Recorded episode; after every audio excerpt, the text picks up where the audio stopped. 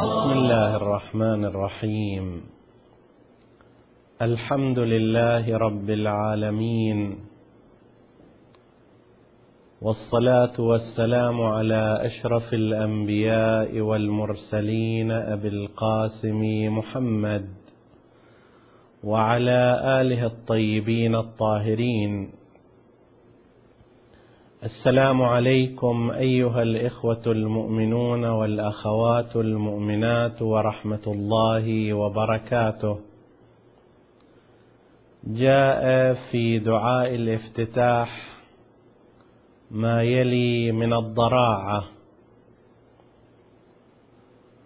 اللهم إن عفوك عن ذنبي وتجاوزك عن خطيئتي.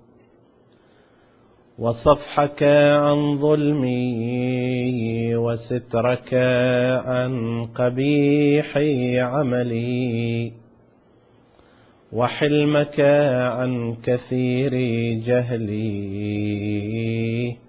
وحلمك عن كثير جرمي عندما كان من خطئي وعمدي أطمعني في أن أسألك ما لا أستوجبه منك.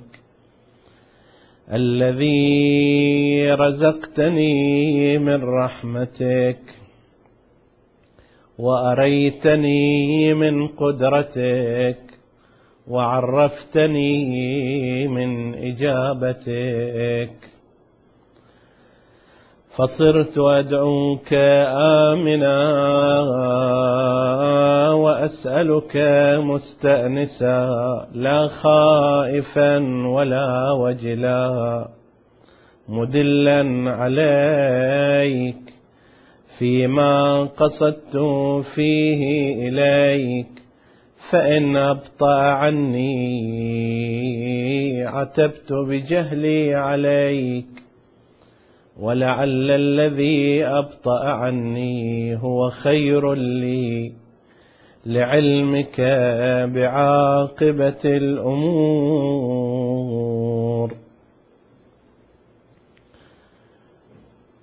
هذه الفقرات والكلمات الرائعة التي تصور حالة التوبة من الله على العبد. وقبول الله لتوبة العبد. تلامس شغاف القلب. وتستثير في الإنسان كوامن الرجوع إلى الله سبحانه وتعالى. يا رب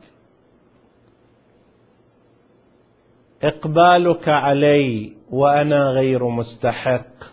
تجاوزك عني وأنا المسيء المذنب. عفوك عني وأنا المخطئ. كل ذلك شوقني وأطمعني إلى أن أطلب منك وأنا غير مستحق لذلك الطلب. أطمعني في أن أسألك ما لا أستوجبه منك. ليس لي في ذلك حق. ولا يجب عليك يا رب تجاهي أي شيء ولكن إقبالك علي تجاوزك عن ذنبي بل توفيقك إياي إلى التوبة. جعلني أتحرك وأطمح بل أطمع في أن أسألك خير الآخرة أن أطلب منك الجنة وأن أسألك أيضا خير الدنيا. مع أنني لا أستحق ايا منهما بحسب موقف الذي أقف فيه. التوبة لا تتيسر للكثير إلا بلطف من الله سبحانه وتعالى الذي يقول ثم تاب عليهم ليتوبوا. هي توفيق من الله. هي هداية من الله. هي أخذ هذا القلب العاصي من محطة عصيانه إلى سمو إنابته إلى ربه. والتوبة أيها الإخوة أيتها الأخوات لا تختص بموسم دون موسم وإن كان موسم شهر رمضان المبارك هو أفضل المواسم لما يحتويه من إمكانيات هائلة في تأثر هذا الإنسان. بهذه الأجواء وبتنعمه بما يحتويه شهر رمضان من فرصة طيبة للإنابة إلى الله سبحانه وتعالى لكن التوبة ليست محصورة به. فإن التوبة والإنابة ليس لها وقت معين كل الأوقات قابلة للتوبة. أنا وأنت أيها الأخ المؤمن وأنت أيتها الأخت المؤمنة في لحظتنا هذه ينبغي أن نستذكر شريط ذنوبنا وأن نمرره بين أعيننا وأن نفكر في مواقفنا تجاه ربنا حتى نخاطبه بقلوبنا. أستغفر الله ربي وأتوب إليه. أستغفر الله من كل ذنب وأتوب إليه. الآن في هذه اللحظة جدد جددي لأجدد توبة نصوحا إلى الله سبحانه وتعالى. فإن من فضل الله وكرم الله سبحانه وتعالى أنه يستقبل توبة الإنسان متى حدثت؟ لا يوجد وقت دوام رسمي يقبل فيه الطلب في ذلك الوقت ويرفض في سائر الأوقات. لا يوجد مكان معين معبد خاص لكي يقدم فيه الإنسان توبته وأوبته في كل مكان يستطيع أن يقدم توبته وإنابته وأوبته إلى الله. لا يشترط حال من الأحوال. لا تحتاج الطهارة. أنت لا تحتاج إلى أن تكون على وضوء ولا على غسل لكي تتوب. التوبة تستطيعها وأستطيعها في كل وقت وضمن أي ظرف وفي كل مكان. في الحديث عن رسول الله من تاب قبل موته بسنة تاب الله عليه. ومن ثم قال إن السنة لكثيرة. الذي يتوب قبل سنة من وفاته. يتوب الله عليه. ثم قال رسول الله إن السنة لكثيرة. من تاب قبل موته بشهر تاب الله عليه. ثم قال إن الشهر لكثير. ثم قال من تاب قبل موته بيوم تاب الله عليه. وإن اليوم لكثير. ثم قال من تاب قبل موته بساعة تاب الله عليه. وإن الساعة لكثير. ثم قال من تاب وقد صعدت هذه وأشار إلى نفسه وحلقه تاب الله عليه. لكن المسألة هي أن قسما من الناس يؤجلون. فيقول بعد سنة يقول بعد يوم ماذا يدريك أنك تبقى إلى ذلك اليوم؟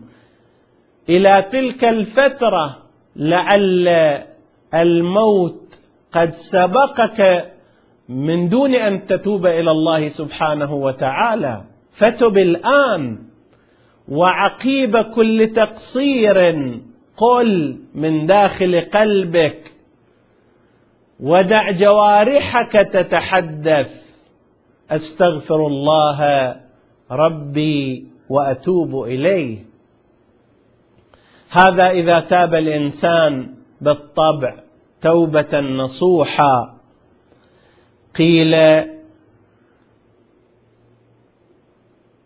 عن الإمام الصادق عليه السلام إذا تاب العبد توبة نصوحا أحبه الله فستر عليه. هل تريد أن تكون محبوب الله حبيب الله؟ فتب توبة نصوحا. ولنتب إلى الله حتى نكون أحباء الله وأوداء الله.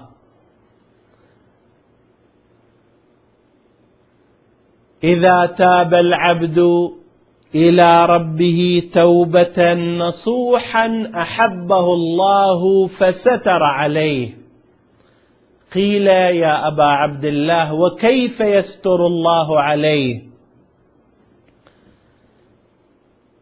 لأن المشكلة أن الإنسان لو عصى ربه ووقف موقفا على رؤوس الأشهاد يوم القيامة ورأى وجه رسول الله منيرا ورأى وجهه منكدرا بظلمات الذنوب كيف يستطيع أن ينظر في وجه رسول الله وفي وجه المعصومين عليهم السلام وفي وجه الأولياء والصالحين والعلماء والشهداء يحتاج إلى ستر. قال كيف يستر الله عليه؟ انظروا إلى رحمة الله انظروا إلى عفو الله انظروا إلى تجاوز الله. قال ينسي ملكيه ما كانا يكتبان عليه. فالملكان المقربان ينسيان. ثم يوحي إلى جوارحه التي هي أيضا من الشهود على الإنسان. ثم يوحي إلى جوارحه واحد وإلى بقاع الأرض وهي أيضا من الشهود على الإنسان يوم القيامة. أن اكتمي عليه ذنوبه. فتكتم الجوارح وبقاع الأرض فيلقى الله حين يلقاه وليس عليه شيء يشهد عليه بذنوبه. هذا إذا تاب الإنسان إلى الله. اللهم إن عفوك عن ذنبي وتجاوزك عن خطيئتي توبتك علي يا رب إلى هذا المقدار الذي تنسي فيه الملكين اللذين يحصيان علي عملي وتنسي فيه جوارحي التي يفترض أنها ستشهد علي وتنسي فيه المكان والزمان الذي كان سيشهد علي. هذا لطف عظيم منك يا رب. هذه نعمة كبيرة منك. أطمعتني ورغبتني في أن أسألك ما لا أستوجبه منك. اللهم إنك رحيم وغفور وتواب. أعطيتني فوق ما أستحق. فتمم علي وعلى المؤمنين نعماءك. يا رب العالمين وصلى الله على محمد وآله الطاهرين.